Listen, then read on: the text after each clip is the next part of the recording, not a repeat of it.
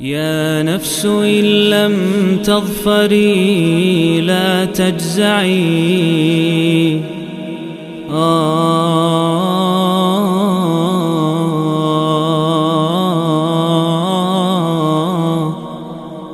Bismillahirrahmanirrahim. Alhamdulillah. Wassalatu wassalamu ala rasulillahi. Amma ba'd. Para hadirin yang dirahmati Allah Ini adalah lanjutan dari pembahasan 114 surat dari Al-Quranul Karim Yang kita bahas satu persatu. Dan di hari ke-64 ini kita masuk surat At-Taghabun Surat yang ke-64 Surat ini adalah surat Madaniyah yang turun setelah surat Al-Jumu'ah dan sebelum surat Al-Fath. Terdiri dari 18 ayat, surat At-Taghabun disebut demikian dengan nama ini diambil dari ayat yang ke-9 di mana Allah Subhanahu wa taala berfirman yauma yajma'ukum liyaumil jam'i dzalika yaumut tawabun ya. Hari ketika Allah Subhanahu wa taala mengumpulkan kalian di sebuah hari pengumpulan itulah hari taghabun.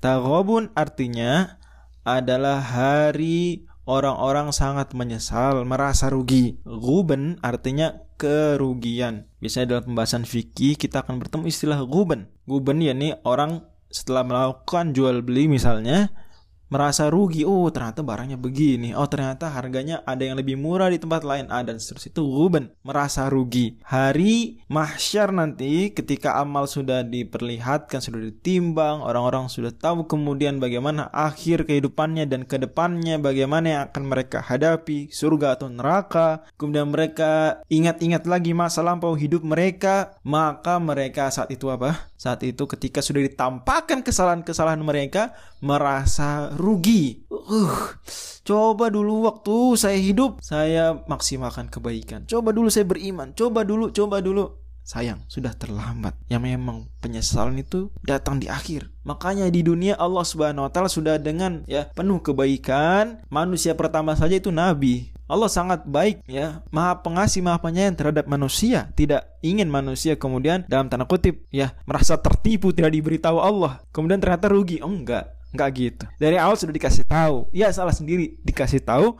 tidak mau diberitahu.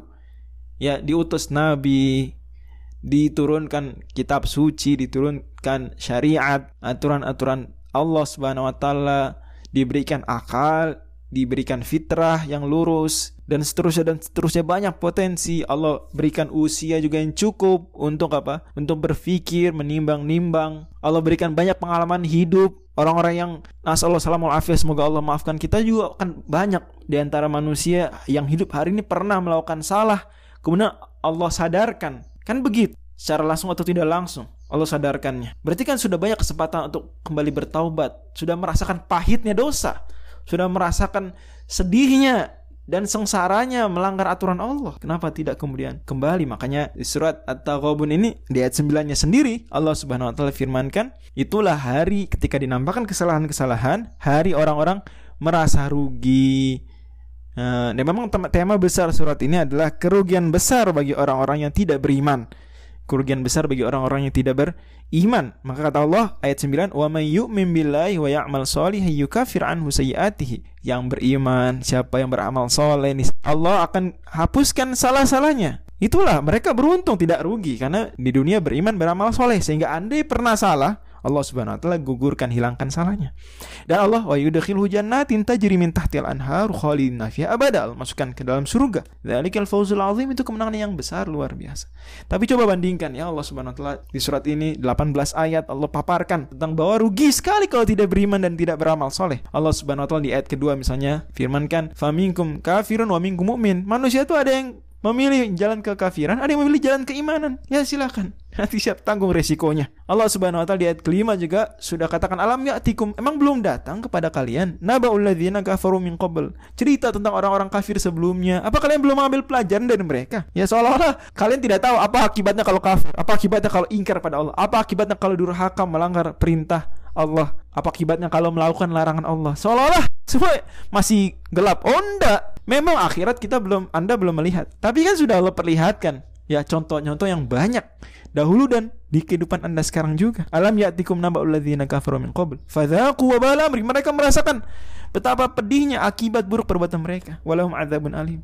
Tuh. Allah Subhanahu wa taala juga sadarkan orang-orang yang tidak beriman di ayat ke-7. Za'amal ladzina kafaru alla yub'atsu. Orang-orang kafir menyangka bahwa mereka tidak akan dibangkitkan. Seolah-olah rest in peace meninggal rest in peace. Oh, enggak. Justru mereka menyangka tidak ada kehidupan akhirat, tidak ada balasan atas kejahatan yang mereka lakukan di dunia. Ada nyeselah akhirnya. Qul bala wa rabbi la tub'atsun kata Allah. Tsumma latunabba'unna bima amiltum. Sungguh demi demi Allah, kalian akan dibangkitkan dan akan diberitahu amal kalian dan akan dibalas. Wa dzalika 'alal yasir itu mudah. Dan terus Allah maka suruh beriman fa aminu billahi wa rasuli wan nuri ladzi anzal. Berimanlah di dunia ini agar tidak menyesal. Ayat ke-8. Allah Subhanahu wa taala enggak sebutkan di ayat ya 11 bahwa setelah menyebutkan di ayat 10 tentang akibat orang-orang kafir, di ayat 11 Allah menyebutkan tentang musibah dunia. Seolah Allah ingin bilang bahwa musibah dunia kalian merasa rugi, kalian merasa tidak beruntung dan kalian sedih. Ya, Allah beri solusinya di ayat ke-12 ya.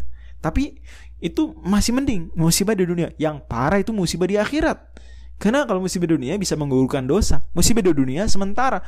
Musibah di akhirat ketika Anda ternyata masuk neraka, uh, naudzubillah min dzalik. Rugi serugi-ruginya. Kemudian Allah ayat 14, 15, 16 dan 17 suruh kita untuk benar-benar menyeriusi kehidupan yang penuh dengan ujian ini keluarga penuh ujian, anak ujian, harta ujian, maka Allah suruh fattaqullaha mastata'tum, bertakwa semampunya dan bersedekah. Bagian dari bentuk menjaga diri agar tidak rugi. Intuqrillah qardhan hasanan, beri pinjaman Allah yang baik. Dan surat At-Taghabun ini, kerugian di akhirat itu connect sekali dengan surat-surat sebelumnya. Misalnya di surat kita lihat Al-Hasyr, Allah Subhanahu wa taala sudah tunjukkan bagaimana mulianya orang beriman, hinanya orang-orang yang tidak beriman. Hina, dihinakan.